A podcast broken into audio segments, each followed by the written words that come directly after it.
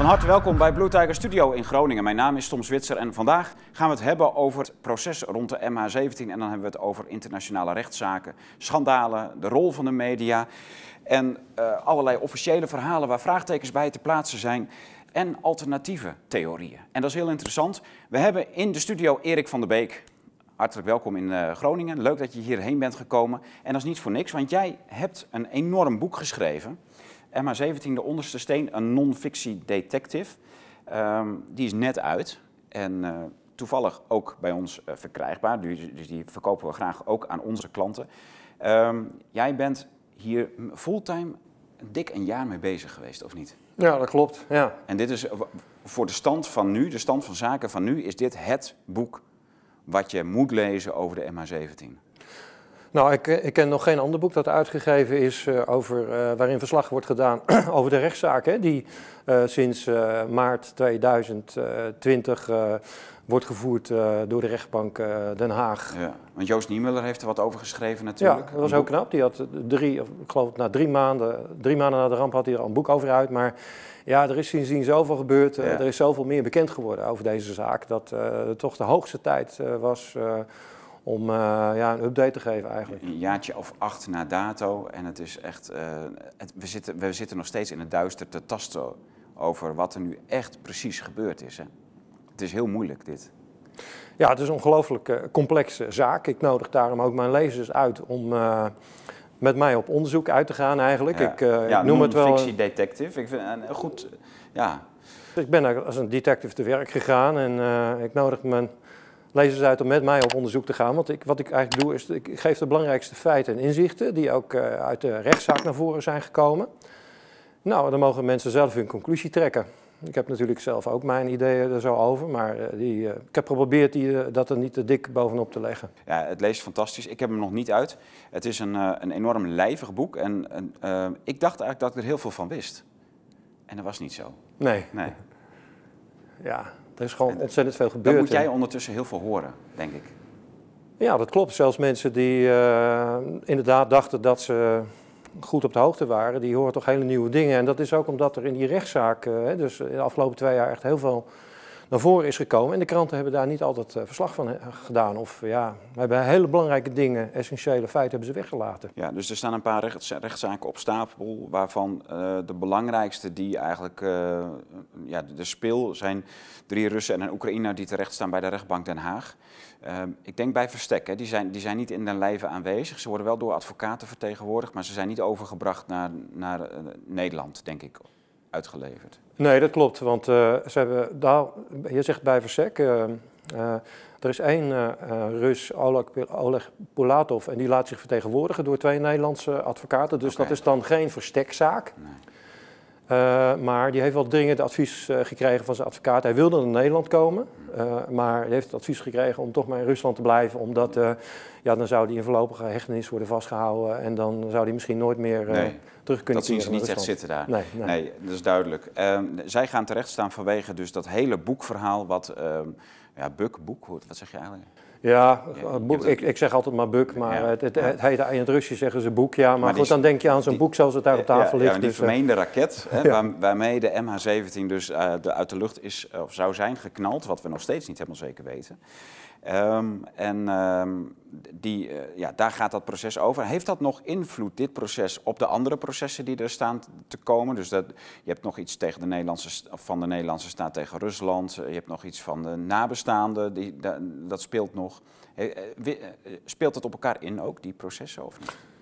Ja, ja, het speelt wel op elkaar, op elkaar in, omdat, zoals je zei, er loopt ook nog een andere rechtszaak bij het Europees Hof voor de Rechten van de Mens. Die zaak is aangespannen door een Amerikaanse advocaat, want die vertegenwoordigt een aantal uh, nabestaanden, uh, waaronder ook Nederlandse nabestaanden. En de Nederlandse staat heeft zich aangesloten bij die uh, rechtszaak tegen Rusland bij het Europees Hof voor de Rechten van de Mens. om, ja, naar eigen zeggen, omdat ze dan de nabestaanden ja, zeg maar, daarin kunnen steunen. Ja. Want, en dat is ook wel een heel saillant detail de Nederlandse overheid, of de minister van Justitie was dat geloof ik, die heeft um, materiaal, onderzoeksmateriaal van het Joint Investigation Team, uh, of uh, eigenlijk materiaal uit die strafzaak, is ingebracht in die zaak nu die in Oekraïne loopt. En daarvan hebben de, de advocaten van Oleg Belatov ook gezegd van ja, is dat wel zuivere koek. Hè? Dus dat de overheid ja, materiaal uit de ene rechtszaak inbrengt in een andere rechtszaak. En dat ze dat ook hebben gekregen van het OM. Aha. En, en, ja, en daarnaast is het ook nog zo dat, kijk, deze vier mannen die nu terecht staan in Nederland, die, dus die drie Russen en die Oekraïner, vanwege indirecte betrokkenheid bij uh, het neerhavelen MH17, die, um, ja, die worden dus alleen maar verdacht van indirecte betrokkenheid. Dus dat, niet dat ze op de knop hebben gedrukt. Dus het staat op voorhand al vast dat ze niet beschuldigd kunnen worden van het afvuren van die boekraket. Ja, en ook niet, ze, kunnen ook, ze worden ook niet beschuldigd van het bevel geven voor het, af, voor het afvuren van die bukraket. Want eigenlijk is na zeven jaar nog steeds onbekend wie die bukraket heeft afgevoerd, wie het bevel heeft gegeven om die bukraket af te vuren en ook wie die Buck, uh, Buck Taylor, want zo heet dan die luchtafweerinstallatie, dat die, uh, ja, wie, dat, wie dat ding naar Oost-Oekraïne heeft gestuurd. Als er al ooit een Russische Buck Taylor naar, uh, naar het oosten van Oekraïne is gestuurd. Want dat, ja. dat is ook nog iets natuurlijk wat, waar, wat, dat is nog geen uitgemaakte zaak. Want ja. de rechter moet nog steeds spreken. Dat zal aan het eind van dit jaar ja, zal het gebeuren. Laten we even nog, uh, want we zijn eigenlijk al bezig met de, het, de officiële, het officiële narratief van die MH17, hoe dat zich heeft afgespeeld. Uh, hij zou uit de lucht zijn geknald door Russische, dan wel Oost-Oekraïnse rebellen die geholpen werden door de Russen met zo'n boek, Telar afschietsysteem.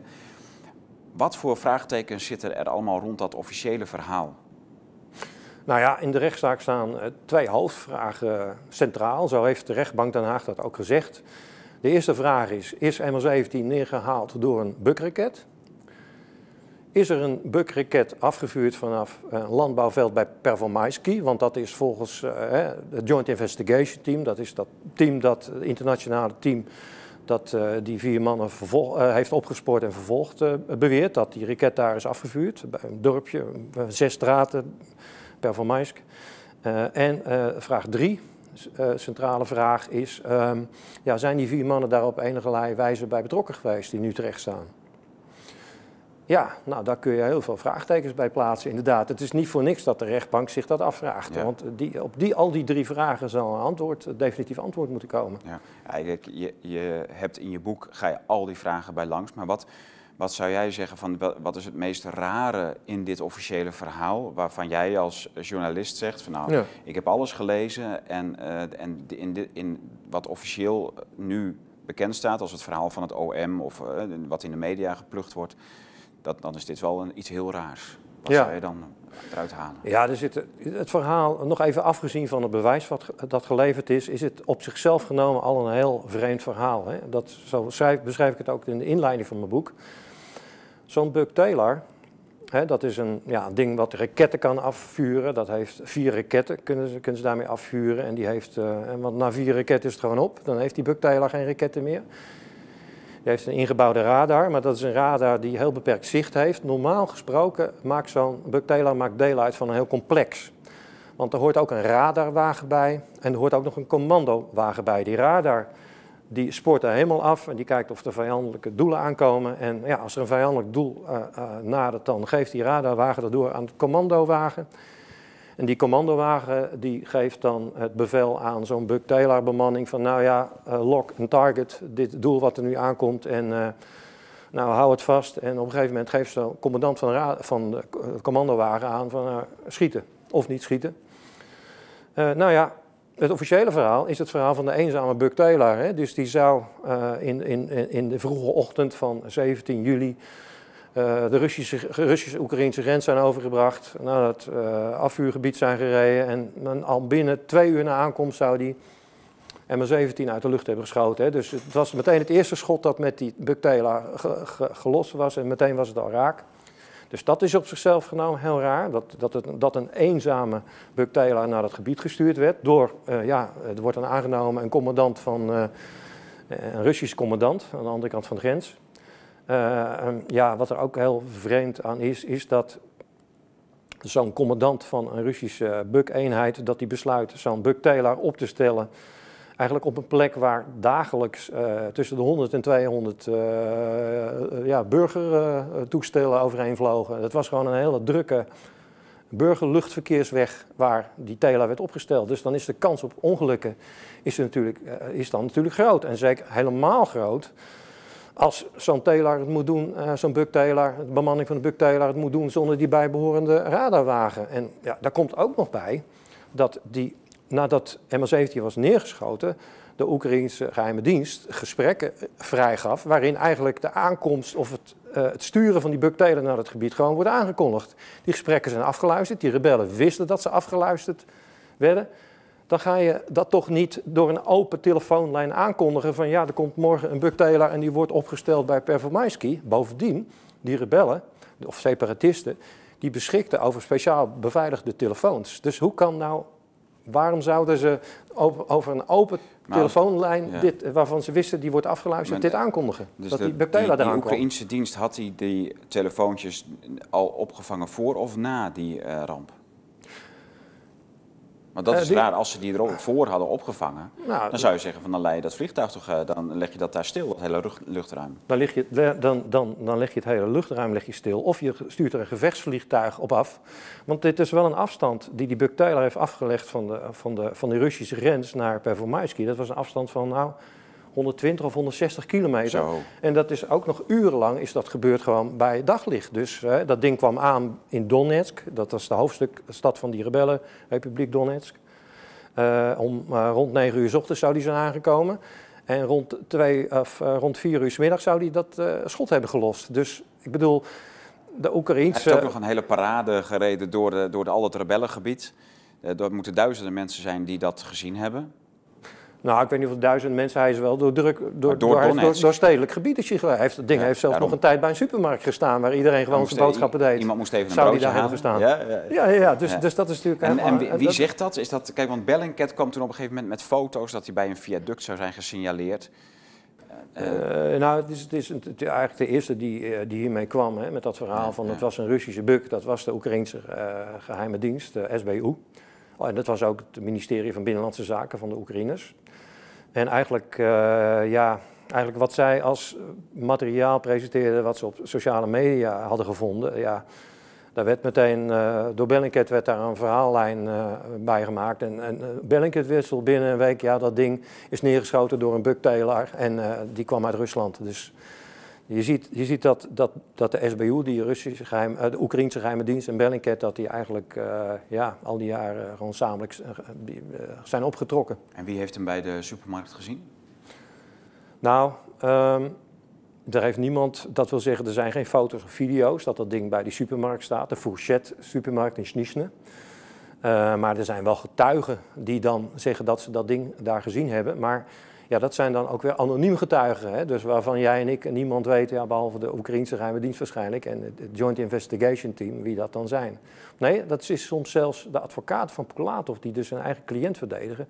Die mogen vaak niet eens weten wie die uh, getuigen zijn. Die zijn dan zo, uh, zeg maar, worden dan zo afgeschermd dat, dat zelfs die advocaten van, van, van de, de, beklaagde niet mogen weten wie dat dan zijn, die getuigen. ja. ja. Ja, uh, allemaal heel raar, hè? Schimmige getuigen die. Uh, maar de, de, rechter mag ze dan wel bij naam en toenaam weten, of ook niet? Nee, nee wel de, alleen de enige die dat mag weten is dan de rechtercommissaris. En dat wordt ook wel de onderzoeksrechter uh, genoemd. Maar ja, het is zelfs niet eens bekend wie die rechtercommissaris is. Dus nou ja, ik weet wel toevallig haar naam. Maar, ik noem dat ook in mijn boek. En dat, volgens mij is dat ook een, een primeur die ik dan breng. ja. Want er wordt al heel lang naar gegist. Wie is nou die rechtercommissaris? Nou goed, dat staat Ze zijn ook bang voor aanslagen op haar. Nou, dat weet ik niet. Maar het is sowieso in Nederlandse strafprocessen zo dat uh, de rechtercommissaris, die wordt eigenlijk uit het uh, zicht gehouden. Dat, die, die verhoort getuigen uh, achter de schermen. Dus dat is ook een beetje, het, het, in het buitenland vinden ze dat heel raar. Hè? Dus deze hele ML17 strafzaak, hoe dat in Nederland gaat. Maar ja, in Nederland is dat gebruikelijk dus, dat er getuigen worden meestal, vrijwel altijd in strafzaken, worden die verhoord achter de schermen door de onderzoeksrechter of de rechtercommissaris. Ja. Dat is dus een waanzinnige prestatie geweest dat, dat die hele Telar-installatie uh, zoveel kilometers heeft afgelegd in de vroege ochtend. Uh, in, de vroege middag, ja. Of, late, ja. late ochtend en de vroege middag, gewoon bij vol daglicht. Zonder dat daar een gevechtsvliegtuig op afgestuurd is om dat ding uit te schakelen. Want de Oekraïners wisten dat hij eraan kwam, volgens het officiële verhaal. Er waren toch wel meer vliegtuigen neergeschoten, gevechtsvliegtuigen in ja, dit gebied? Ja, ja dat klopt. Dus uh, kijk, uh, het was een gecombineerde vlucht van Malaysia Airlines en KLM. Ze hadden het kunnen weten. Ik bedoel, ja, het heeft ook gewoon in, in de kranten gestaan. Hè. Dus uh, het heeft gewoon in de mainstream media gestaan. Er waren 16. Er zijn 16. Sorry? Het, dat vluchtplan, dat week in één keer af ook, nou, zuidelijker. Nee, dat, dat, dat is niet dat waar. Niet? Dat, is okay. een, dat, is, dat werd wel in het begindagen werd dat geopperd, maar dat blijkt toch niet okay. zo zijn geweest. Nee, maar er waren. Uh, er zijn in die, voordat MH17 neerkwam, zijn al 16 toestellen neergehaald in dat conflictgebied. Hè, dus van de Oekraïnse luchtmacht. En dat waren gevechtsvliegtuigen, dat waren militaire transportvliegtuigen en dat waren ook één of twee helikopters. En op welke hoogte? Ook van zulke hoogte? Nee, nee. Allemaal lager? Wel laagvliegend, ja, want die rebellen die beschikten over manpads. Uh, en dat waren, hè, dus dat zijn van, die, van de schouder afgevuurde ja. raketinstallaties. Ja. En daar kom je niet hoger mee dan, uh, ik geloof, 4 kilometer. Maar de Oekraïners hebben wel, drie dagen voordat MH17 neerkwam, gewaarschuwd. Of die hebben, een waarschuwing uitgezonden naar de internationale gemeenschap. Er is een speciale bijeenkomst geweest in Kiev van de minister van, van Buitenlandse Zaken Klimkin. Die heeft al uh, diplomaten van, van de ambassades heeft die bijeengeroepen. Want die zei van kijk, er is, uh, uh, op grote hoogte is een Oekraïns vrachtvliegtuig is neergehaald. want waar sprak hij ook alweer over? Was het nou 5, of 6, zoveel kilometer? En ja, dat kan niet met een vanaf de raket gelanceerde installatie zijn geweest. Dat moet met wapentuig vanuit Rusland zijn gebeurd. Nou ja, eigenlijk is dat door onze eigen MIVD afgedaan als larikoek. Die zeggen van ja, dat vliegtuig dat heeft volgens ons lager gevlogen. Dus dat oh. was een broodje aap van die minister Klimkin. Maar, kijk, uh, ja, de Oekraïners hebben dat gezegd. En als ze er nou zelf in geloofden, dan hadden ze natuurlijk dat luchtruim moeten sluiten. Ja. Want dat, dat is een grote hoogte. Dat vliegtuig vloog op 6 kilometer. Ja, dat, is, nou, ja, dat is het bereik waarop de internationale luchtvaart opereert. Nou, die was al... 8 tot 10 kilometer, 12 kilometer. Maar... Ja, MH17 vloog op 10 kilometer. En ja. het moet wel zeggen, het luchtruim was al voor een deel afgesloten. Dus er was al een signaal gegeven aan, uh, aan de burgerluchtvaartmaatschappij... jullie moeten hoger gaan vliegen.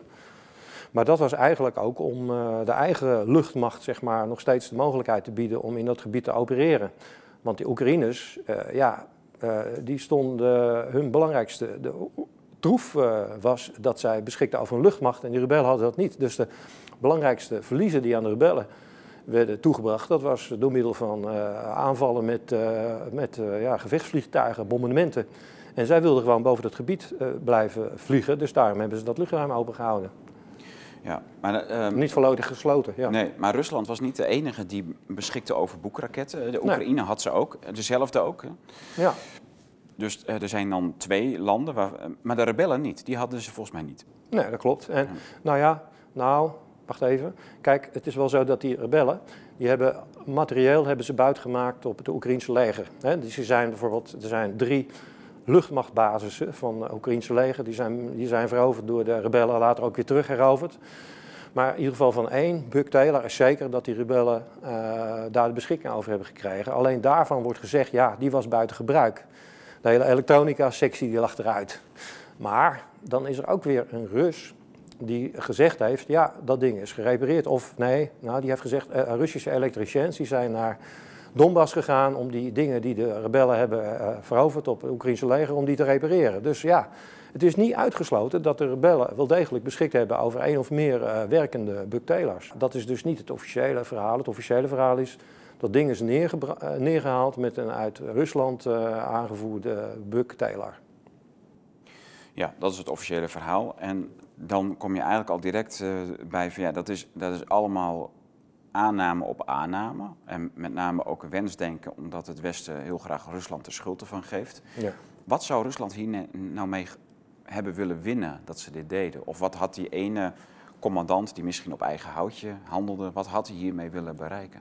Ja, nou, zoals ik al aangaf, uh, de rebellen die uh, leden gevoelige verliezen door die bombardementen. En ja, het officiële verhaal, dat gaan we weer, het officiële verhaal. Hè. Dus aan de hand van afgeluisterde gesprekken wordt dan geconcludeerd dat op een gegeven moment die manpads die vanaf de schouder werden afgevuurd, dat die niet meer volstonden. Omdat de Oekraïnse luchtmacht hoger ging vliegen om die rebellen te bombarderen. Alleen ja, mijn vraag daarbij is wel van ja, dat die, die, die Sukhoi vliegtuigen waarmee de Oekraïners die rebellen bombardeerden, dat zijn een soort vliegende, moet je zeggen, tanks. Dus die, je kunt alleen precisiebombardementen uitvoeren als je. Dat, dat, kun je niet doen als je heel hoog vliegt. Dus als je op vijf of zes kilometer gaat vliegen, kun je wel bombardementen gaan uitvoeren. Maar dan raak je misschien wel je eigen legereenheid. Dus ik vind dat een beetje een ongeloofwaardig verhaal. Want, maar ja, goed, dat wordt dan aangevoerd als officiële verhaal. Die, die, rebellen hebben gezegd van ja, we kunnen die, uh, die zoekkostjes zijn hoger gaan vliegen, we kunnen ze niet meer raken. Die uh, manpads die volstaan niet meer. Dus wat we nodig hebben is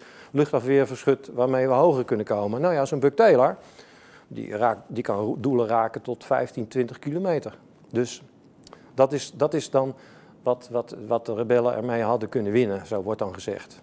Dat zou dat Kiboma-element zijn om zo'n ding te bestellen vanuit Rusland. En dit zou dan een foutje zijn?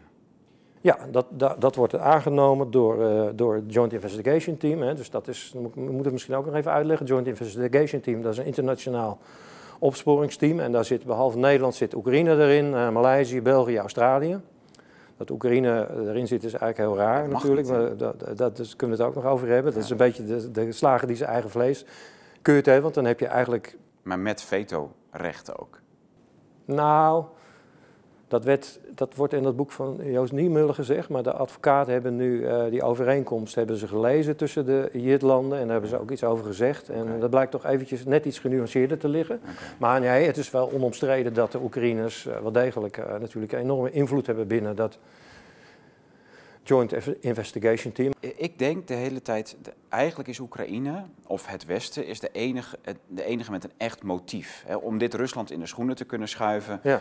en daarmee dat land onder druk te kunnen zetten, Poetin als massamoordenaar weg te kunnen blijven zetten, steeds maar weer gebruiken in de, in de media. Het, is echt een, het zou echt een valsvlek vanuit het Westen kunnen zijn. Als de rebellen of de Russen het zouden hebben gedaan, dan zou het, dan zou het een foutje zijn. Want die, die die winnen hier niks mee. Ja, ik kan me dus nogmaals niet voorstellen dat het een foutje is geweest. Want als je. Um, ik kan me in de eerste plaats al niet voorstellen dat, dan, dat ze dan zo'n uh, Buck Taylor zonder radarwagen hebben gestuurd. Uh, naar een gebied waar verkeersvliegtuigen overheen vliegen. Dat, uh, dat zo'n vergissing wordt begaan. Maar als ze dat wel gedaan hebben, dan zou het theoretisch nog kunnen dat, dat er aan de Russische kant van de grens een radarwagen heeft gestaan die uh, ja, de hemel afspeurde op uh, Oekraïnse doelen en hè, een seintje heeft gegeven aan uh, die Buktelaar van ja, de nadert een vijandelijk doel, schiet daarop. Maar ook dat kan ik me niet goed voorstellen, want ja, zo'n radarwagen die moet wel een verschil kunnen maken tussen een, een, een burgervliegtuig dat op 10 kilometer hoogte vliegt en een gevechtstoestel dat ja. veel lager vliegt, hele andere vliegbewegingen maakt, ook op een hele andere snelheid vliegt. En ze zouden ook nog een, een, een, een verschil uh, moeten kunnen maken tussen een burgervliegtuig en een vrachtvliegtuig. Want ook een vracht, militair vrachtvliegtuig, Oekraïns vrachtvliegtuig, dat manschappen of uh, goederen moet droppen, dat gaat niet. Je kunt dan niet op 10 kilometer hoogte kun je goederen of manschappen kun je droppen. Dus ook een radar. Dus ook dat vind ik een onwaarschijnlijk uh, scenario. Maar je, je, die mensen hebben daar toch gewoon internet? Die kunnen toch gewoon die flight radar aanzetten? Hoe heet dat ook alweer? Flight, uh, flight, uh, flight radar? Ja, zo, ja, zoiets. Dat is een website. En je kunt gewoon op het vliegtuigje klikken en dan zie je gewoon de, een foto van het, van het vliegtuig, het serienummer, de vlucht, het vluchtnummer, de, de vliegmaatschappij. Ja. Je ziet alles gelijk staan. Ja, maar zo'n zo Buck Taylor is een ding uit uh, de jaren tachtig zijn die mm. dingen gemaakt. En uh, die hebben dat natuurlijk allemaal niet, de internet. Ofwel, maar ja, weet ik veel. Misschien zijn er ook wel weer geüpdate, maar daar werken ze niet mee. Ze werken met radar. Ja. En maar je zou er van, vanuit kunnen gaan, elke soldaat daar heeft een smartphone en die kijkt op dat ding, toetst dat aan of kan het aanklikken en ziet dat het een, uh, geen Oekraïns vliegtuig is. Ja, er vlogen burgervliegtuigen al van aan. Dus ja. ze, dus hij kan niet op de radar van zo'n commandocentrum hebben gestaan. Nou, de, de, kans is gewoon eigenlijk miniem dat zij eh, vanuit zo'n commandocentrum uh, aan de andere kant van de grens, dat ze daar hebben gezegd... Dat ze daar een vergissing hebben gemaakt. Dus dat ja, vergissingsscenario, dat, dat vind ik heel erg onwaarschijnlijk. Ja. Nou ja, is het expres gebeurd? Kijk, ja, daar laat ik de lezers van mijn boek over. Eh, die mogen erover oordelen aan de hand van de feiten en inzichten die ik geef. Maar, het is maar jij laat zien dat, dat überhaupt ja. de, de, aanwezigheid van die boektelaar op dat, die akker is ook nog maar helemaal de vraag. Ja, dan eventjes terug naar van, uh, wie het dan belang heeft. Ja, wie heeft nou belang gehad? Nou ja, Oekraïne uiteraard. Want we moeten eventjes terug uh, naar 2014, hè, dus juli 2014. Er was een, was een hele gespannen situatie, want net als eigenlijk op dit moment hè, is het dan die Russische dreiging, hè, dus de angst dat de Russen Oekraïne zullen binnenvallen, dat was toen ook. Alles stond op scherp. Hè. De Oekraïnse radarinstallaties, de, de, de gevechtsvliegtuigen, iedereen hield rekening dat elk moment die Russen konden binnenvallen. En eigenlijk waar het Oekraïnse leger was ook in bepaalde delen van de, de oorlogsfront waren ze gewoon aan de verliezende hand. En de Amerikanen drongen bij de EU aan op uh, economische sancties. Maar de, wilde, de EU die wilde daar nog niet aan denken. Nou, wat gebeurt er? MH17 komt neer. Die hele uh, angst voor Russische dreiging die valt weg. En uh, de Europese Unie stelt gewoon twee of drie dagen later stellen ze economische sancties in. Dus, die geeft de Amerikanen precies wat Washington wil. Nou ja, het is, ja. als er iemand van profiteert is, dan zijn het de Oekraïners en de Amerikanen. Uh, ja, dat is natuurlijk op zichzelf nog geen bewijs dat, dat het, maar, dat het nou, expres ja, is gebeurd. Ja. Maar ja, helaas, we leven in een wereld waarin uh, er, zijn, er zijn helaas verschrikkelijke mensen die tot zoiets in staat Maar in een mis, misdaadonderzoek is de vraag wie er profiteert... is altijd wel een van de elementen die meegewogen wordt. Dat is, dat is een van de eerste dingen waar natuurlijk iedere inspecteur van politie... die een moord moet onderzoeken, uh, inderdaad rekening mee houdt. en, of naar kijkt. En, maar eigenlijk was al binnen een jaar, stond voor het uh, Joint Investigation Team vast, nee, het was een uh, Russische bugtaler uit Oekraïne. En we hoeven daar alleen nog eventjes de daders bij, uh, bij te zoeken. En nou, die hebben ze dus nog steeds niet gevonden. Alleen, ja, vier mannen waarvan ze zeggen, ja, die zijn indirect betrokken geweest. Die hebben dat ding, die hebben de behoefte hebben ze geuit aan een luchtafweerinstallatie waarmee ze hoger kwamen dan ja, die vier, vijf kilometer. En ze hebben dat ding aangevraagd in Rusland. Ze hebben hem... Ze hebben hem, uh, ze hebben hem getransporteerd en ze hebben hem bewaakt. En ze hebben contact gehad met de bemanning van die bugtailor. En ze hebben een plek aangewezen waar die opgesteld moest worden. Daar worden, van worden ze concreet beschuldigd. Maar dus dan, je, je blijft erbij terugkomen dat die geheime dienst van Oekraïne, de SBU, ja. die heeft dus uh, die taps gehad. Mm -hmm. uh, en daar waren ook, toen die taps naar voren kwamen, ja. uh, is dat ook onderzocht. Daar bleek dus dat daar ook mee gerommeld is geweest.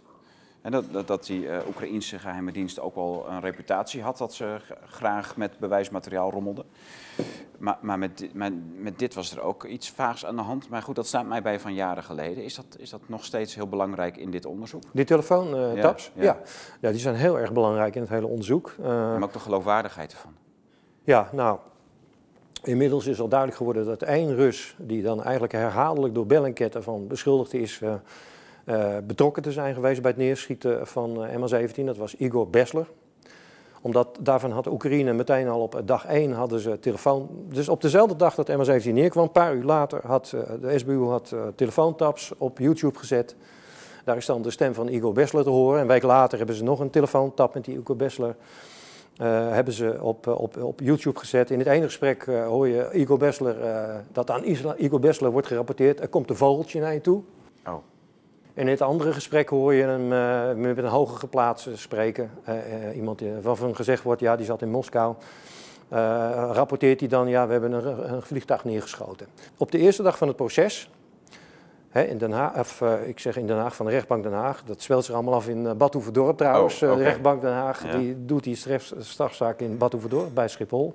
Extra beveiligde complex. Lopen allemaal uh, marechaussées met Waarom is dat extra beveiligd? Zijn ze ja. bang voor aanslagen? Nou ja, dat, dat is allemaal een beetje show, denk ja. ik dan toch eigenlijk. Ja, zijn ze bang voor aanslagen? Ja, die enge Russen, hè, die plegen overal in de wereld aanslagen. Dus ja. zie je misschien ook wel. Ja. Ik weet het niet, dat zou je ze moeten vragen. Ik heb het ze niet gevraagd. Uh, ik ben er gewoon van uitgegaan, dat is allemaal een beetje onzin. Maar uh, nee, op de eerste dag van het proces heeft het Openbaar Ministerie meteen al duidelijk gemaakt... ja, die Igor Bessler, die verdenken we niet. Want hij kan het niet hebben gedaan. Want, uh, zo'n want dat gesprek, dat aan hem doorgegeven wordt, komt een vogeltje aan. Het heeft plaatsgevonden op een tijdstip. Zo kort voordat die Buck-raket uh, werd afgeschoten, dat daar zit te weinig tijd tussen. Aha. Dus dat kan nooit die, uh, de bemanning van die Buck-Taylor tijdig hebben bereikt. En zo'n ding duurt, doet er ook nog even over om op te warmen. Zo'n Buck-Taylor duurt oh. er een paar minuten over voordat hij uh, het doel zeg maar, heeft vastgelegd en dat er opgeschoten wordt. Yeah.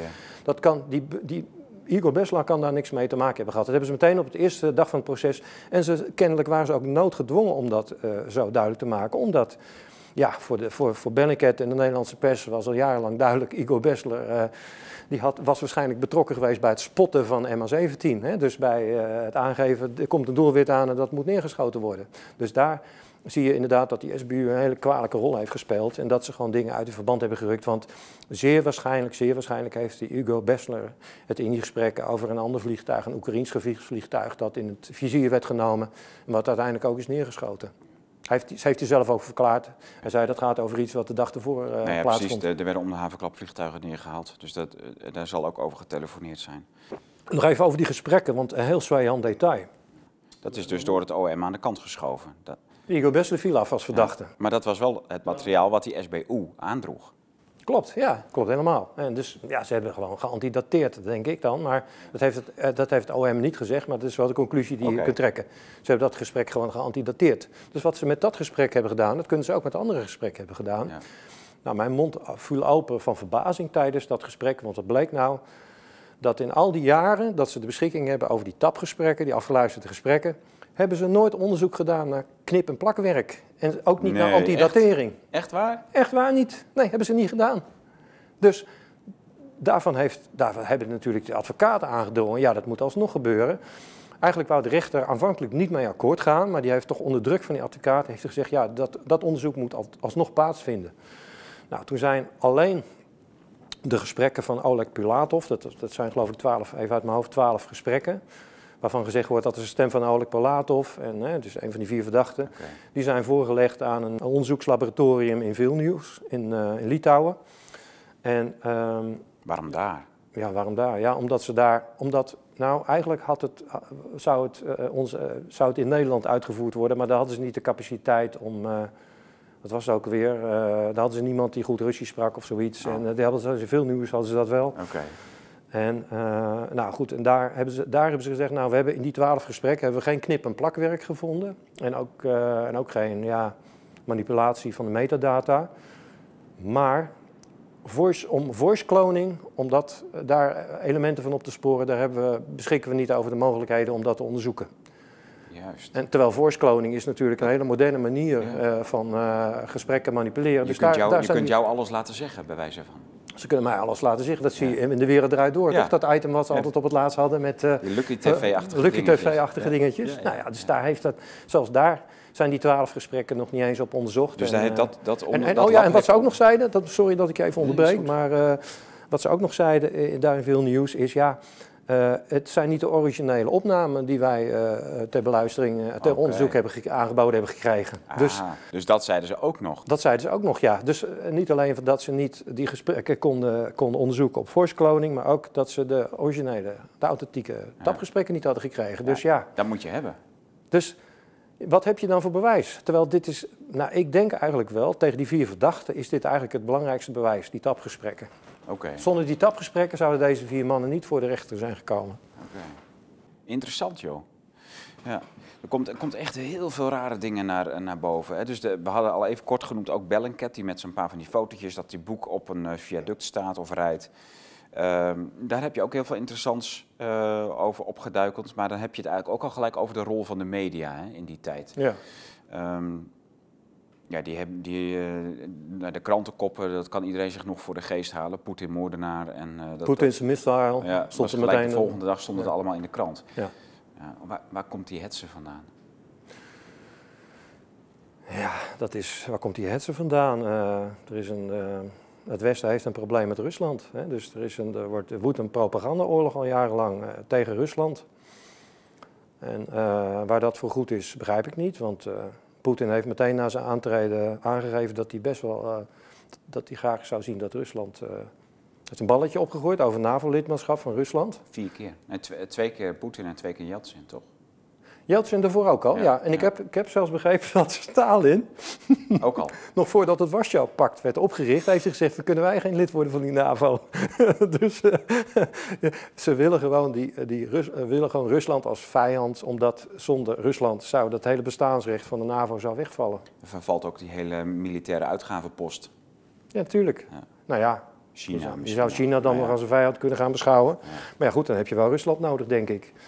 En ja, nou ja, en ja, zoals, zoals, we allemaal wel weten, ik denk dat de, hè, de meeste van jouw kijkers die zijn goed geïnformeerd. Amerika voert in Europa gewoon een en heersspel. Hè, door Duitsland en Rusland van elkaar gescheiden te houden of tegen elkaar uit te spelen, ja, heers je. Ja, heb je een goede reden om al die militaire bases in Duitsland en overal te handhaven en kun jij, uh, kun je over Europa blijven heersen. Ja, ja dat is gewoon geopolitiek dus. Interessant. Wij, wij weten dat uh, van de ja, daar komen we zo meteen nog misschien even op Bellingcat en dergelijke. Maar we weten bijvoorbeeld van de afgelopen rechtszaken in de coronatijd, uh, die heb je ook gevolgd, dat eigenlijk alle rechtszaken waar een politiek belang aan zit, mm dat die eigenlijk de, de, uitkomst staat op voorhand vast. Ja. Je weet eigenlijk dat een rechter gaat dat zeggen, want dat is politiek gewenst, staat veel druk op. En die gaat dat dan ook zeggen. Dus misschien één of twee keer gebeurt dat een rechter dat per ongeluk niet deed. En dezelfde dag of een dag later werd het gelijk gecorrigeerd in hoger ja, beroep. Er is nog niet één zaak gewonnen, toch? Die aangespannen is tegen de staat. Uh, nee. nee. nee, Ja, Eén keer over de avondklok en die werd dezelfde dag weer teruggedraaid. Hoeveel zaken hebben we nu gehad? Tientallen intussen? Ja, joh. Ja. Ja, dat geeft het toch wel een beetje aan dan, hè? Ja. Tientallen zaken en dan, is, dan, is er staat die altijd wint. Ja. Maar dan denk ik van ja, dan, dan is dit... We weten wat de gewenste uitkomst is. De Rusland moet de, eh, de, de boosdoener zijn. Hmm die vier Russen en één Oekraïner, die moeten dus uh, ja, veroordeeld gaan worden. Die druk komt er op die rechters te liggen en dan, dan weten wij dat dan ook, dat gaat ook gebeuren.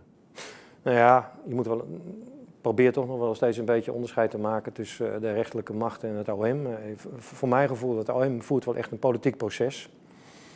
Maar van de rechtbank ja, heb ik nog geen signalen ontvangen dat zij dat doen, gezien. Um, ja, maar zo zit de hele rechtspraak in Nederland. Ja, nou ja, ik ben er ook natuurlijk een beetje bang voor. En we hebben dat natuurlijk ook gezien in die zaak van het uh, Allard Pierson Museum. Hè? Want er waren kunstschatten die van, uh, van de Krim, van musea op de Krim, die waren uitgeleend hier uh, aan het Allard Pierson Museum in Amsterdam. Ja.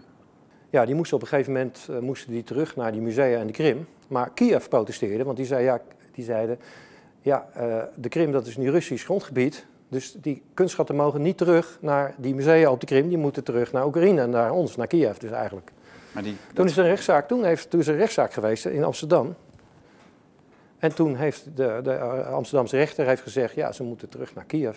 Dat is bizar. Ja, dus in, in, de, in, de, in de nationale kunstwerk is daar met ontzetting en verbazing is daarop gereageerd. Ja. Want dan ben je dus als museum ben je niet meer zeker van als je iets uitleent aan een ander museum dat je het terugkrijgt omdat de overheid van jouw land die kan dan uh, iets wat je hebt uitgeleend opeisen. Want dat spul was toch van dat museum, of van die musea? Ja, dat zou je zeggen, ja. Nou, Dus dan, ja, we leven in een heel anti-Russisch gezind land. Dat blijkt keer op keer uit internationaal onderzoek. Pew Research, dat is een Amerikaans onderzoeksinstituut. doen, wereldwijd doen ze, doen ze onderzoek naar hè, hoe, denken, hoe is de beeldvorming in, in, in, over dit land, over dat land, over Rusland, over Amerika, Duitsland, Nederland. Nou, dan komt Nederland, die eindigt dan stevast in de top drie van de meest anti-Russisch gezinde landen. En ja, zoiets werkt natuurlijk ook door op, op, op een rechtbank. Hè. Ook als die mensen zich niet van bewust zijn, als ze denken van ik doe mijn werk doe netjes, kunnen ze toch natuurlijk op een onbewuste manier kunnen ze beïnvloed worden door de stemming die er in het eigen land heerst over Rusland. Ja. Dus in, in deze zaak zie ik dat wat dat betreft ook wel zwart in. Maar het voordeel is wel, kijk, er is gewoon heel veel ontlastend bewijs. Dat bewijs tegen dat Rusland hier, of dat die rebel, of die vier mannen die nu terecht staan en dat Rusland op indirecte manier bij betrokken is geweest. Zoals ik het nu echt heb gezien, daar is geen hard bewijs. Daar kunnen we het misschien later nog over hebben, want er is bewijs waarvan eerst gedacht werd, het, uh, het is bewijs en toen was er toch geen bewijs. Alleen de media hebben dat dan steeds niet bericht. Die hebben daar niet over bericht, hebben dat weggelaten. Maar een rechter moet daar wel uh, serieus naar kijken natuurlijk. Hè. Zo zijn er bijvoorbeeld is er zo'n motormantel is er gevonden. En een, uh, en een, uh, en een uitlaat van, van, van een bukraket. Waarvan het Joint Investigation Team uh, ja, eigenlijk suggereerde van kijk, dit is van de fatale raket die MH17 heeft neergehaald. Die twee raketonderdelen zijn heel prominent tijdens die persconferenties in beeld gebracht. Iedereen dacht van, oh nou, dat is dus van die raket die MH17 heeft neergebracht. Nou, wat blijkt nou? Dat is dus als bewijs afgevallen, omdat het Joint Investigation Team niet heeft kunnen aantonen dat deze twee raketonderdelen van, die, uh, uh, van de fatale raket zijn geweest. Want die zijn pas, even kijken, ik geloof zes, zeven maanden later zijn die aangetroffen ergens op een plek waarvan we nog steeds niet weten uh, door wie, uh, waar en door wie ook niet. Ja, want, ik vind het fantastisch, Erik. Ja, kijk, ik, ik, ik, die zijn daar misschien wel neergelegd men, gewoon. Mensen, precies, ik dacht van mensen moeten dat eigenlijk lezen in het boek. Maar uh, ik, vind, ik ben heel blij dat je daarover begint. Want er is dus hard bewijs, gewoon zwart, zwart op wit, dat er delen van een boek neergelegd zijn. Met, met als suggestie van... Nou, het, is, het is geen dat, hard bewijs, maar, maar het, is, dat, het, is, het, is, het is het bijna dat, wel, ja. Dat vlinderdeeltje, dat ene vlinderstukje... Oh wat jij aanhaalt, dat is echt, dat is onomstotelijk, is dat op een plek neergelegd, heel demonstratief, zodat dat... Ja. En, en voor de rest... Ja, nee, precies, want inderdaad zo'n zo'n zo'n zo'n zo'n springkop, hè, dat ja. is, je moet misschien even uitleggen, je hebt aan de ene kant een raket en die is uitgerust met zo'n springkop, waar die deeltjes dan in zitten, die worden als, vlak, vlak voordat die raket als vliegtuig, uh, zo'n uh, vliegtuig bereikt, of het doelwit bereikt, dan spat die kop uiteen en dan komen daar uh, drie soorten deeltjes uit komen, springen daaruit. En uh, een van die soorten deeltjes, dat zijn vlinderdeeltjes. En ja, daaruit wordt al de conclusie getrokken dat het een, een moet zijn geweest van het nieuwste type. Want één zo'n spring, vlindervormig deeltje is aangetroffen in het lichaam van de piloot. En een ander vlindervormig deeltje is aangetroffen in, in de cockpit. Maar een derde vlindervormig deeltje is aangetroffen door een journalist van RTL, dat is Jeroen Akkermans. Maar dat deeltje lag op een plek ja, waarvan uh, zeker is, dat kan daar niet zomaar terecht zijn uh, gekomen, want dat lag op een, op, een, op, een, uh, op een wrakstuk, bovenop een wrakstuk. En je ziet op satellietfoto's dat een paar dagen daarvoor lag dat wrakstuk nog omgekeerd. Nee zeg. Ja. Dus dat, en, en, en het zat ook op een deel van het wrakstuk helemaal achterin het vliegtuig, hè, dus achterin het passagiersgedeelte. Waar, waar dat ding terwijl, helemaal niet alleen is. Ja. Precies, waar alleen, alleen die cockpit zou geraakt zijn door de vlinderdeeltjes van die, van die springkop van die raket. Ja. Dus nee, dat is 100% zeker. Die deel, dat ene deeltje is daar neergelegd en dat is daar neergelegd om gevonden te worden. Ja. Uh, en, uh, ja, en, ook, en, en dat die... geldt dus, en, en ja. men denkt dus dat dat ook voor een aantal andere onderdelen van die boekraket dat nou, dat zeer waarschijnlijk neergelegd is met als suggestie van nou hier bewijzen omdat dat een boekraket uh, ja, de, advoca de, advocaten van Pulatov hebben dat wel een beetje gesuggereerd inmiddels. Dat ze hebben gezegd, ja die twee, hè, dat is wat ik net noemde, die motormantel en die uitlaat van die raket. Ja, die werden daar aangetroffen, ik geloof zeven maanden later, door uh, een Nederlandse marechaussee en nog iemand van Defensie. Hmm. En wie, uh, maar want iemand had hun attent gemaakt. Kijk, ik heb twee raketonderdelen gevonden en uh, kom maar schouw met ja, me dus mee. Er was, en ook, nog, was en, ook nog een waarschuwer. Die, die ook nog, er was ook nog een boodschapper hè, die dan zeven maanden na de ramp ook nog eens gaat roepen van er liggen nog bewijsstukken. Of. Ja, nou, dat weet ik niet of, je nou, of wij nou allebei precies hetzelfde bedoelen. Maar dit was iemand die had die, die, dat Nederlands uh, bergingsteam uh, daarop op gewezen. Van er liggen daar twee grote onderdelen, moet je met me meekomen. Nou, en de ja, advocaat Erik... van Polatov die mogen niet weten wie die persoon is geweest. Nee, precies. Maar dus, dat, dat is misschien dat iemand is van de SPU geweest. Nou, dat is wat ik dus zeg. Van de dus dienst. Als daar dus zeven maanden na dato dus ja? nog zogenaamde bewijsstukken worden neergelegd... Ja dan moet er natuurlijk ook iemand even een belletje plegen van jongens, er liggen bewijsstukken. He, dus we leggen het eerst neer en dan komt er nog een belletje achteraan. Dus de boodschapper is bekend. En de, dat, dat, is een hele belangrijke figuur natuurlijk. Ja, die, die de advocaten van Polaten mogen niet weten wie dat geweest, dat wie dat geweest is. Ja, ze mogen zelfs niet eens weten uh, wie die marechaussee en die, die, die, die uh, de mensen van Defensie zijn geweest. Mo nou, ja, ze mochten het wel weten, maar ze mochten daar geen interview. Oh nee, ze moesten die vragen, moesten ze. Oh ja, dan weet ik het. Ja, het is, het is zoveel. Zat in mijn boek beschreven dat ik het ook allemaal soms uh, even moet graven in mijn geheugen. Maar ze mochten wel vragen stellen aan dat bergingsteam. Maar ze mochten dus niet de identiteit weten van degene, de vinder van die raketonderdelen. En ook maar dat is uh, en, ze mochten die, die... en ze mochten die vragen ook niet rechtstreeks stellen. Het moest via de rechtercommissaris. Ze moesten die vragen moesten ze okay. uh, schriftelijk voorleggen. En ze kregen schriftelijk. En heel veel van die antwoorden waren gezwart. Door Voor de, de advocaten? Door de, ja, dat die advocaten niet mochten lezen wat... Maar die, wat, die wat, beller wat die moet helemaal doorgezaagd worden. Die, die beller is cruciaal. He, dus die, die, dat, die dat gemeld heeft van de licht bewijs, mm -hmm. die moet, die, ja, wat je zegt, dat kan gewoon iemand van de SBU zijn. Sterker nog, dat de, de kans is heel groot dat ze, mm. of dat hij juist weer ingezet wordt, een, een lokaal iemand door, ja. door een, maar dat maar moet, dus, dat dus, moet, kennelijk moet was, ja, dus kennelijk was er wel ergens een belang ja. om uh, duidelijk te maken, het was een bukraket. En dan ook nog uh, een bukraket met, uh, met vlinderdeeltjes. Dus ja, die, ja, wat ik ook kijk, zo'n zo'n bukraket, daar zitten hoeveel ook alweer? Ik geloof 16 of 1800 vlindervormige deeltjes in. Nou ja, zoals ik al zei, er is er één teruggevonden in het lichaam van die piloot. En de andere is teruggevonden in uh, isolatiemateriaal ja, waar zijn de, de andere 1600? Ja, die zijn er dan uitgevallen of die hebben het vliegtuig niet geraakt, wordt dan gezegd. Uh, maar ja, weet je, als het er maar twee zijn die in cruciaal bewijsmateriaal zijn aangetroffen, ja, dan kunnen die ook gepland zijn. Ja, ik kan er niet over oordelen, omdat ik natuurlijk niet weet hoe die zijn aangetroffen en of het überhaupt mogelijk is geweest om die dingen te plaatsen.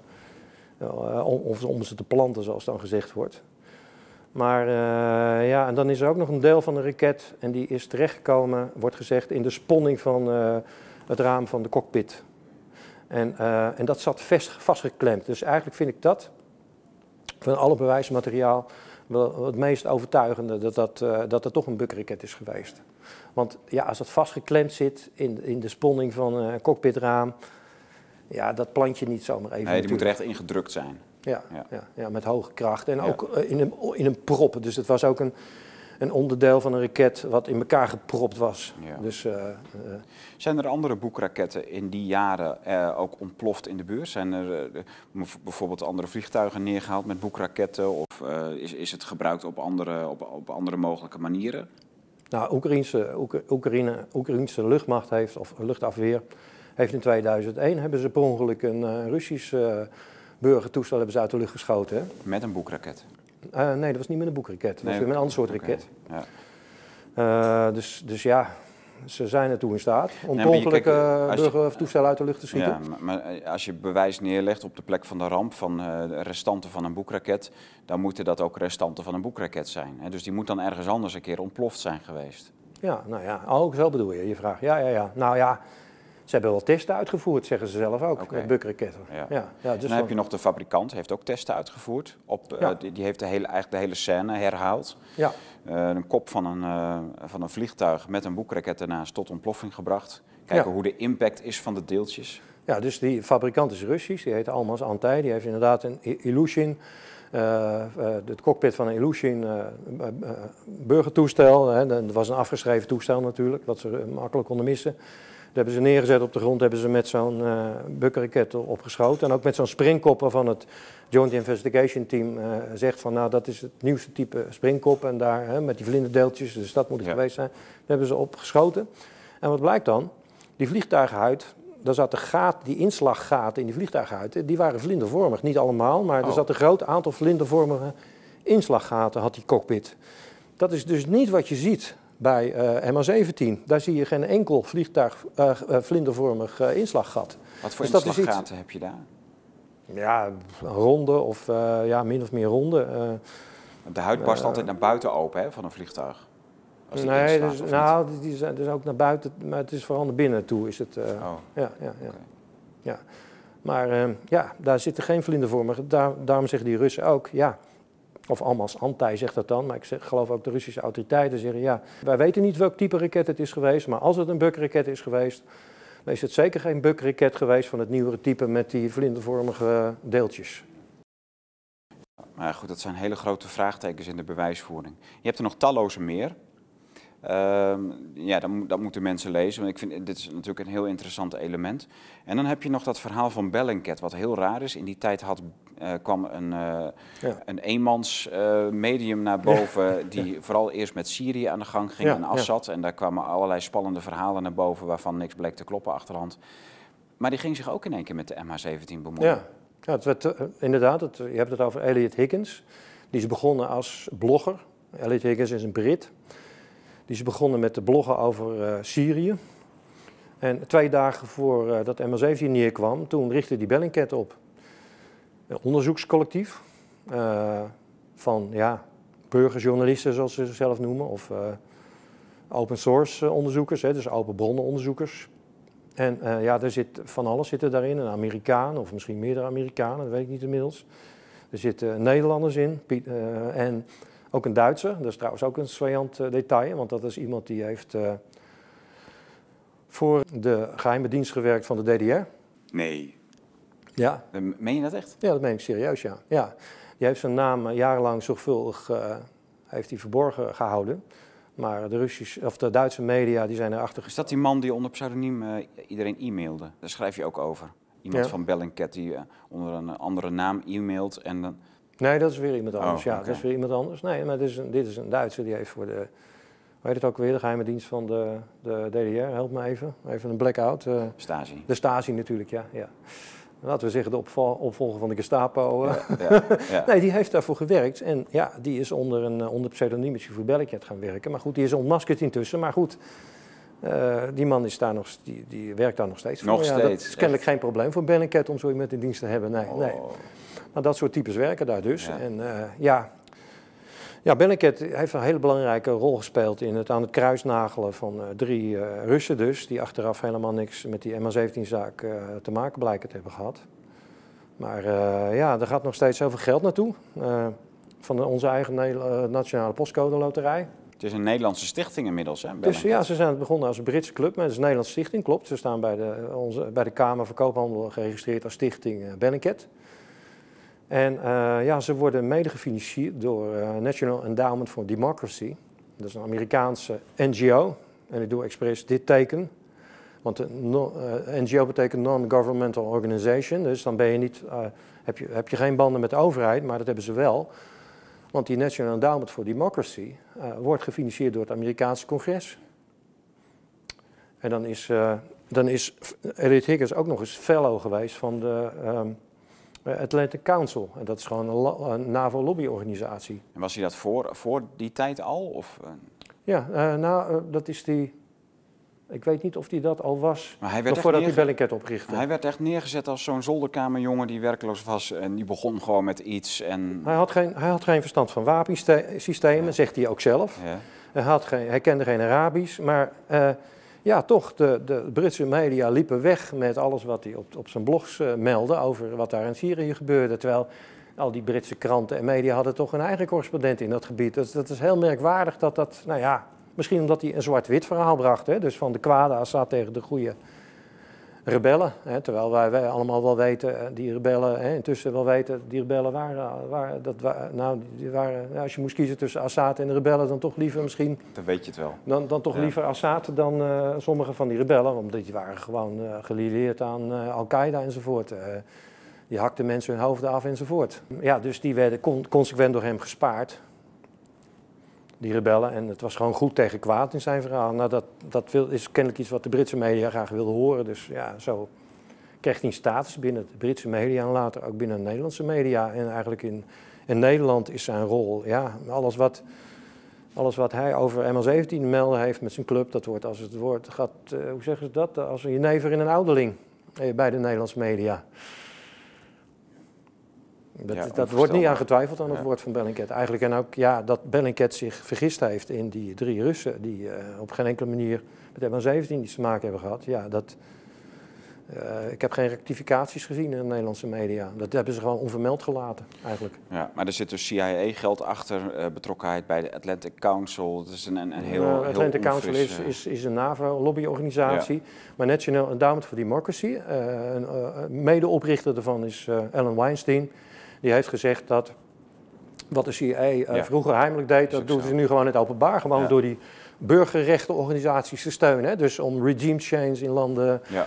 eh, eh, tot stand te kunnen brengen enzovoort. En Maar de- was dat ook voordat hij met die, dat zolderkamerverhaal, dat romantische idee van zo'n jongen die nergens verstand van heeft, had, of had hij echt een verleden in dat soort organisaties? Dat is mij niet bekend. Nee. Het is, niet, het is mij niet bekend waar hij zijn geld vandaan haalde voordat hij Bellingcat oprichtte. Want toen hij met Bellingcat kwam, eh, ja, toen, ehm, toen heeft hij wel verantwoording afgelegd van waar hij zijn geld vandaan haalde. Nou ja, dat was onder meer dus dat National Endowment for Democracy. Ja. Dus het is niet wat ik verzin, dat hij daar zijn geld vandaan haalt. Dat zegt hij zelf. Ja. Ja. Ja, Ja, maar goed, die kwamen met foto's en uiteindelijk heeft de Nederlandse blogger Max van der Werf eh, van Bonanza Media heeft daar heel veel mee gedaan. Die, eh, wat Bellingcat niet deed, namelijk daar naartoe gaan om hun materiaal te gaan verifiëren. Dat heeft Max van der Werf wel gedaan.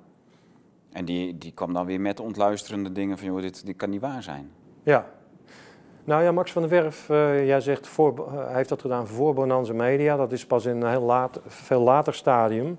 Hij heeft samen met een Russin, Jana Jelasova, heeft hij eh, een documentaire gemaakt eh, ja, onder de noemer Bonanza Media. En daarvoor werkte hij op eigen daarvoor, titel. daarvoor, is hij op eigen initiatief is hij naar het gebied gegaan, want hij kent het gebied ook. Hij kent ook Russisch. Hij, hij, eh, kan zich met die mensen verstaan daar. Ja, hij is gewoon gegaan naar dat dorp eh, wat we net noemden, Performaisky, waar die raket zou zijn afgeschoten. Hij is met mensen gaan praten van, heb je iets gemerkt van raket? Heb je iets gemerkt van gevechtsvliegtuigen? Nou, niemand had iets... Dorp van zes straten, dus eh, het is niet moeilijk om iedereen daar eh, te spreken. Niemand die iets had eh, gemerkt van een raket, wel mensen die gevechtsvliegtuigen hadden gezien of gehoord. Eh, hij is niet voor niks, hij is dan twee keer naartoe gegaan naar het gebied. Hij is ook dat, die route is hij nagereden die die Buck Taylor zou hebben afgelegd. Hè? Want die Buck Taylor, die luchtafweerinstallatie, die zou op de dieplader van de Volvo-truck zou die vanaf de Russische grens naar die afvuurplek zijn gereden. Dus hij is die hele route is die nagereden. En eh, eh, hij, heeft ook, hij kwam bijvoorbeeld hij kwam a- bij een viaduct waarvan hij dacht, nou wacht eens even, daar past die Buck Taylor helemaal niet onderdoor als hij op een dieplader heeft gestaan. Dat heeft hij ook gefilmd van kijk, dit is de hoogte van die Buck Taylor, dit is de hoogte, de onderkant van de viaduct, dat, dat past niet. Kreeg hij het aan de stok met Elliot Higgins van Benneket. Die zei, haha, die Max van der Werf, die ziet, eh, de, hij heeft de afslag over het hoofd gezien. Want net voor het viaduct is een afslag. En als je die neemt, dan kun je gewoon hè, met, een, met een klein omweggetje kom je gewoon weer op die hoofdweg terug. Oh. Want dat had hij op satellietbeelden gezien. Waarop eh, Max van der Werf opnieuw daar naartoe ging, naar het viaduct. En die afslag ging volgen. En die afslag was gewoon gebarricadeerd door betonblokken. Maar ook al langer. Ook al langer, ja. Ja, nee, dus ook al, ook, al, ook, al, ook al op het moment dat, eh, eh, nou ding ja, dat, dat, dat, dat ding daar zou hebben gereden. Hè. Dat heeft hij dan ook weer aangetoond. Ja. Eh, en dan zie je dus dat verschil in onderzoeksmethoden van dat Bellingcat die alles van achter hun bureaustoel doen. Het enige wat die Ja. doen is een beetje sociale media afspeuren en. Google Maps en misschien ook nog wat photoshoppen. Terwijl, ja, Max van der Werf, bij mijn weten is nooit iemand van Bellingcat is in dat gebied geweest, heeft met die mensen gesproken. Dat dan heeft Max ook van der Werf allemaal wel gedaan. En, en Stefan Beck, moet je ook niet vergeten, is volgens mij ook twee keer heen geweest. Stefan Beck is er nou twee of drie keer, ik weet niet. Stefan Beck is ook met hele belangrijke eh, dingen, conclusies te- terechtgekomen. En je moet ook niet vergeten wat deze mannen hebben onderzocht.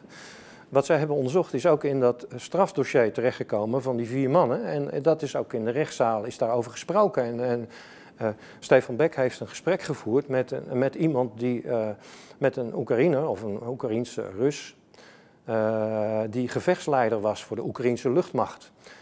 Eh, want kijk, het verhaal van de Oekraïne was, alle radars stonden uit op, op 17 juli toen MH17 neerkwam. Nou, eh, Stefan Beck heeft gesproken met een luchtverkeersleider die gewoon eh, gezegd heeft, ja, dat is allemaal flauwekul. Want daar stond een radar, daar stond een radar. Er waren niet, eh, want, want, als, want de Oekraïners zeiden, ja, de ene radar die was in onderhoud en de andere was stuk en de derde was, nou, er was van alles mee. Want wat, die luchtverkeersleider uitlegde van ja, nee, maar kijk, zo'n radar bestaat uit drie onderdelen. Als er eentje in onderhoud is, dan die andere die laten ze gewoon aanstaan. Want je kunt niet, en zeker in die periode dat die Oekraïners een aanval verwachten van de Russen, alles stond in high alert. En die heeft ook nog gewezen op allerlei eh radarinstallaties, militair, militaire radarinstallaties, waarvan op dat moment nog niet eens bekend was dat die er waren. Maar later, het heeft weer een andere blogger uitgezocht, die bleken er wel degelijk te zijn. Nou, eh, ja, Stefan Beck, dus dat interview, eh, Stefan Beck heeft dat opgenomen met die luchtverkeersleider. En dat is ook in de rechtszaal is dat getoond. En ja, nou, tot mijn grote verbazing, of intussen niet meer tot mijn grote verbazing, de mainstream media hebben daar natuurlijk helemaal niks van opgepikt of hebben dat helemaal niet gemeld. Terwijl dit was wel heel belangrijk. Dus een Oekraïense luchtverkeersleider die gewoon op camera zei, die radar stonden aan, ze stonden in high alert. En het waren er niet alleen burger, eh, radarinstallaties voor de burgerluchtvaart, maar ook militaire eh, radarinstallaties stonden allemaal aan. Het waren er veel meer dan, eh, dan we ooit via de media te horen hadden gekregen. En maar ja, toch, dan wordt dat in de rechtszaal wordt dat gewoon getoond, dat wordt besproken en je ziet het nergens in de kranten terug. Ja. Absurd ook. Nou ja, in mijn boek staat het allemaal. Eh, Ja. dit is nog maar een voorbeeld, maar ik kan nog wel veel meer voorbeelden noemen. Maar goed, dat hebben we te danken aan deze mannen, Max van der Werf, Stefan Beck. Heb je ook nog Hector Reban, Oh ja. dat is een Nederlandse blogger die onder pseudoniem eh, schrijft. En eh, ja, ja die, die, heeft, die, heeft, die is van onschatbare waarde wat hij allemaal heeft uitgezocht. Er is ook nog een Duitser. Eh, Willy Six. Billy Six, ja, natuurlijk. Ja, uh, die moet je ook nog eens een keer, uh, moet je ook nog eens een keer uitnodigen in de, in de Blauwe Tijgerstudio. Een avonturier puur zang. Die, heeft, is nog bij ISIS gevangen geweest. Ja, die, die heeft, in Venezuela heeft hij in de bak gezeten. Die heeft in Syrië in de bak gezeten. Ja. Een soort Indiana Jones van de onderzoeksjournalistiek. Ja. ja volgens mij is hij zowel door ISIS als door Assad een keer vastgezet. Voor ISIS, van ISIS weet ik niet hoor. Volgens mij was het Alleen Assad? Volgens mij was het weer een andere Duitse okay. onderzoeksjournalist, ja. Hmm. Maar, uh, was, ja, het, nee, was het Jurgen Todenhofer? Ja, precies. Die heeft... Uh, was het niet, of was het niet Al-Qaeda of uh, was het ISIS ja. waar die uh, gesprek ja, mee had? Nou ja, die Todenhofer, dat was die Todenhofer, ja, precies. Ja. Ja, ja, ja. Ja, er is nog een Duitse blogger die uh, heel belangrijk, dat is een wiskundige en ingenieur. En die, ja, die heeft allemaal berekeningen uitgevoerd. Van, ja, heel belangrijk in het MH17-verhaal is een foto die gemaakt zou zijn van de, de het spoor dat die bukraket ja, uh, zou foto, hebben. Die, die rookpluim. Die rookpluimfoto. Ja. Hè? Dus op de ja. 17e werd die meteen op Twitter geplaatst en werd gezegd van kijk, dit is de rookpluim. Werd op ook de door de 17e al? Ja. Die lag klaar. Die lag. Nou ja, precies. Dat is, ja. dat is ook waarom sommigen zeggen het stond allemaal al in de stijgers. Want het bewijs werd meteen op de dag zelf al gepresenteerd. Niet alleen die rookpluimfoto, de tapgesprekken. Uh, ook, ook foto's en video's van die buk die werd aangevoerd. Maar de westerse pers die was al geïnstrueerd. Poetin-moordenaar, dat moesten koppen en allemaal... Uh, ja. dat is wat inderdaad sommigen ertoe heeft gebracht om te denken van ja, dit is allemaal, stond in de stijgers, het is een vals vlek, valse vlag. Uh, maar goed, die, rookpluimfoto, ja, daar, daar wijd ik ook over uit in mijn boek. Maar dat zou me niet gelukt zijn om daar een goed verhaal over te vertellen, om daar kritisch over te kunnen schrijven zonder het onderzoekswerk van deze Duitse blogger. Die, ja, die duidelijk aangeeft van Kijk, er zijn twee foto's van gemaakt. Later bleek dat er nog een tweede foto van was. Er zit een, er zit een, periode tussen van uh, zes of zeven seconden. En als je dan die foto's naast elkaar legt, dan krijg je beweging. Hè? Zoals je krijgt, uh, dan krijg je bijna een soort... Het gekke is dat die, er stond een behoorlijke windkracht op, op die dag. De wind kwam uit het oosten. Maar je ziet die rookpluim, die zie je helemaal niet bewegen. Er zit geen enkele beweging in tussen die zes, zeven seconden. Terwijl je ziet ook nog iets anders. Je ziet een, een zwart deel, ook een zwarte roodpluim is er nog. Die los lijkt te staan van die witte roodpluim. Ja, die beweegt zich al. Die waait het uit tussen, tussen die twee foto's. Ja, ja. En dat is dan maar één eigenaardigheid. Maar nou, zo, zo zijn er wel uh, nou, 10 tot 12 uh, dingen die niet kloppen in dat verhaal over die, uh, over die, over die rookpluim die dan afkomstig zou zijn van een bukraket die werd, is ja. afgevuurd op die dag. Ja. ja.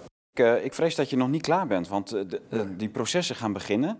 Uh, er, er, wordt nog, er, worden nog requisitoors gehouden in de rechtbank. Nee, nee de requisitor is al gehouden. Oh, dat is in okay. december gebeurd. Het OM ah. heeft, heeft de aanklacht voorgelezen en de bewijzen voorgelegd. Dus nu mogen de advocaten? Nu mogen de advocaten ja. in, in maart, uh, ik geloof in 9 maart gaan ze van start. Drie weken lang. Zo. Ja. Nou, dan mag het OM nog een keer reageren op wat de advocaten naar voren hebben gebracht in het uh, repliek. En daarna mogen de advocaten nog één keer, en dat gebeurt in juni, dat is het dupliek. Die mogen dan nog een keer reageren op... Ja op de advocaten. En uh, dan aan het einde van het jaar, in het najaar, dan, uh, ja, dan komt de rechtbank met zijn eindoordeel. Die spreekt dan recht. Spannend jaar. Wat ik mij nog afvroeg, uh, kunnen we misschien mee afsluiten. We hebben dus dit hele MH17-verhaal speelt tijdens die Oekraïne-crisis van de laatste termijn ja. van Obama. Ja. Dus uh, je kon toen duidelijk zien, Obama was aan de macht, zat in zijn tweede termijn en die Russen moesten hoe dan ook onder druk gezet worden. Oekraïne moest bij de NAVO, daar moest een soort van conflict gecreëerd worden. Dus er werden spanningen opgebouwd, er was een staatsgreep in Kiev, duidelijk allemaal met behulp van Washington. Dan komt die MH17 daarbij. En dan worden daar allerlei onderzoeken in de stijgers gezet. En dan krijg je de Trump-periode, waarin alles helemaal stil is. Dat, dat JIT dat gaat heel zachtjes door. Ja, in Nederland krijg je heel af en toe in de media iets van uh, voortgangsdingen. Dan in één keer komt Joe Biden aan de macht. In feite de opvolger van Obama. Maar ook op dit dossier een erfgenaam van Obama. Dus hij zet dat hele Oekraïne-conflict weer aan. Uh, ja. zet het hele, we zitten nu midden in een waanzinnig spanningsveld, zoals ja. dat ook in de tweede termijn van Obama gebeurde. En warempel in dit jaar wordt in één keer die, dat hele MH17-proces wordt omhoog gepompt. Eh, hebben ze daar nou op gewacht of kon het niet eerder? Nou, het MH17-proces is al begonnen voordat uh, Biden ja, nee, aan de macht kwam. Dus dat was, is nog onder... Uh, maar nu, onder Trump gebeurt. Hè? Ja, maar, maar nu wordt het in één keer, dit jaar moet alles gebeuren. Terwijl, terwijl ik denk, ja, die hele Trump-periode hebben we eigenlijk niet zoveel over gehoord. Trump heeft over ML17 nog gezegd dat hij onder zijn steen waarschijnlijk wel altijd beneden ja. zal blijven. We zullen het waarschijnlijk nooit weten, zei hij. Ja. Dat waren de meest verstandige woorden die ik ooit gehoord heb van de Amerikaanse president over ML17. Want John Kerry, dat was dus uh, die onder Obama diende, die zei zeker te weten dat de Russen het hadden gedaan. Want de Amerikanen hadden radar en satellietbeelden, weet je nog? Dat hebben we nooit gezien. We hebben dus nooit gezien, nee. De rechtbank heeft erom gesmeekt. En de, de, de nabestaanden hebben erom gesmeekt. Hebben, ze, hebben die radarbeelden uiteindelijk verstrekt van hun radars. Maar die Amerikanen die riepen vanaf het begin van nou we zien dat allemaal op de radar. Nou, op, op, op satellietbeelden, ja. En, op Radar, ze hadden ook radarbeelden, zeiden ze, maar ze vooral satellietbeelden. Ja. Als ze precies gezien waar die raket werd afgevuurd en hoe die uh, raket een baan aflegde naar het vliegtuig, alles hadden ze ja, gesmeekt hebben ze de nabestaanden, brieven geschreven naar de Amerikaanse ambassadeur, uh, naar, naar, naar, naar, Trump. Uh, ja, er is niks, helemaal niks gekomen, nee. nee, nee. En maar toen was het een een rare. Nou ja, goed. Je, je, zou het, als je, als je heel erg neutraal bent, zou je kunnen zeggen. Het is een hele rare toevalligheid dat het MH17 gebeuren allemaal in dat hele Oekraïne-spanningsveld. Met, uh, waarin Washington koste wat het kost Oekraïne wil laten ontploffen. Uh, eigenlijk in het gezicht van Poetin. Mhm. um, en, en nu, Joe Biden pompt het weer op, dat hele conflict. Uh, de hele Trump-tijd is het gewoon heel rustig gebleven. Joe Biden pompt het weer op. En nu krijg je weer dat hele dat, dat, ja, dat, die hele, dat, dat proces wat uh, gaat, gaat spelen, die, uh, dat, dat gaat nu in die Biden-periode in één keer weer ingezet worden. Ook weer in dat Oekraïne-conflict natuurlijk. Nou ja, we hebben nu natuurlijk opnieuw die spanning aan de, aan de Russisch-Oekraïnse grens. En uh, er zou zomaar weer iets kunnen gebeuren. De Amerikanen zeggen, ja, de Russen zijn bezig een valse vlek te plannen. En omgekeerd, die Russen zeggen dat over de Amerikanen. Ja, er kan zomaar weer een incident kan zich voordoen, waardoor uh, hele onvoorspelbare dingen gaan gebeuren. Ja, we zitten eigenlijk dit op te nemen op de dag dat uh, volgens Joe Biden zou Rusland Oekraïne binnenvallen, toch? Ja, uiterlijk, dus, uiterlijk vandaag, toch? Ja, uiterlijk vandaag, ja. Nou. ja. nou, we gaan het even checken straks. Of vannacht, toch? Zou, had het moeten gebeuren? Oh, het had al moeten zijn. Ik geloof het wel, ja. Ja, precies. Ja. Ja, het, wordt, het wordt natuurlijk allemaal heel erg, ja, hilarisch. Jij gaat ook weer voor de andere krant schrijven. Je bent er weer mee begonnen, want je boek is af, dus je hebt weer tijd voor andere dingen. Heel fijn, dus we gaan meer van jou horen dan alleen jouw boek. Uh, dat, jouw laatste artikel is van, uh, even kijken hoor, dat van het nummer, nummer 4 van dit jaar, dus dat is uh, de eerste week van februari geweest. Dat het kabinet Oekraïne ontziet. Dus Oekraïne wordt niet aansprakelijk gesteld uh, dat zij het luchtruim gesloten, niet gesloten hebben destijds. Nee. Ze willen Oekraïne een beetje ontzien. Nou, daarin zie je wel, volgens mij, dat het een uh, politiek proces is waarin het, uh, de, het kabinet en OM gezamenlijk op lijken te trekken. want ja, het OM heeft wel die vier mannen, strafrechtelijk zijn ze aan het vervolgen. Ja. Maar ze hebben nooit, degene die verantwoordelijk waren in Oekraïne voor het besluit om het luchtruim open te houden, hebben ze nooit een strafrechtelijk onderzoek hebben ze daarna ingesteld. tegelijkertijd heeft het kabinet uh, heeft wel uh, Rusland aansprakelijk gesteld voor het neerhalen van MH17, omdat Rusland die Buk-Tela geleverd zou hebben. Maar ze hebben nooit Oekraïne aansprakelijk gesteld voor het openhouden van het luchtruim. Ook voert het kabinet een zaak bij het Europees Hof voor de Rechten van de Mens tegen uh, Rusland. Ook weer vanwege dat Rusland dat toestel, die MH17 zou hebben neergehaald. Ja, ze, maar het kabinet voert geen zaak tegen Rusland bij het Europees Hof voor, voor de Rechten van de Mens. Uh, uh, tegen Oekraïne vanwege het openhouden van het luchtruim. Ja, dat is dus toch gewoon een feit. Ze hebben dat, dat luchtruim opengehouden, ondanks dat er van alles aan uh, van allerhande vliegtuigen afgeschoten zijn geweest. Ja, ja, ja. Dus, dat is gewoon een dus, feit. Dat is gewoon een feit. En ja. de Tweede Kamer heeft heel lang aangedrongen op actie, juridische actie richting Oekraïne. Ja. Dat is er alleen nooit van gekomen, omdat het kabinet steeds zei van ja, uh, of in het begin zeiden van nou, we sluiten het niet uit, maar dat is nu nog te vroeg. We moeten ons nou eerst richten op uh, de daders, degene die het vliegtuig heeft neergehaald. Uh, maar, en, en, maar uiteindelijk, het kabinet zegt nu, ze hebben een onderzoek, feitenonderzoek laten instellen. Ja. En, en, en, heeft minister Blok, die was toen minister van Buitenlandse Zaken, Stef Blok, heeft gezegd ja, uit het feitenonderzoek blijkt, er zijn geen aanknopingspunten om Oekraïne juridisch aansprakelijk te stellen.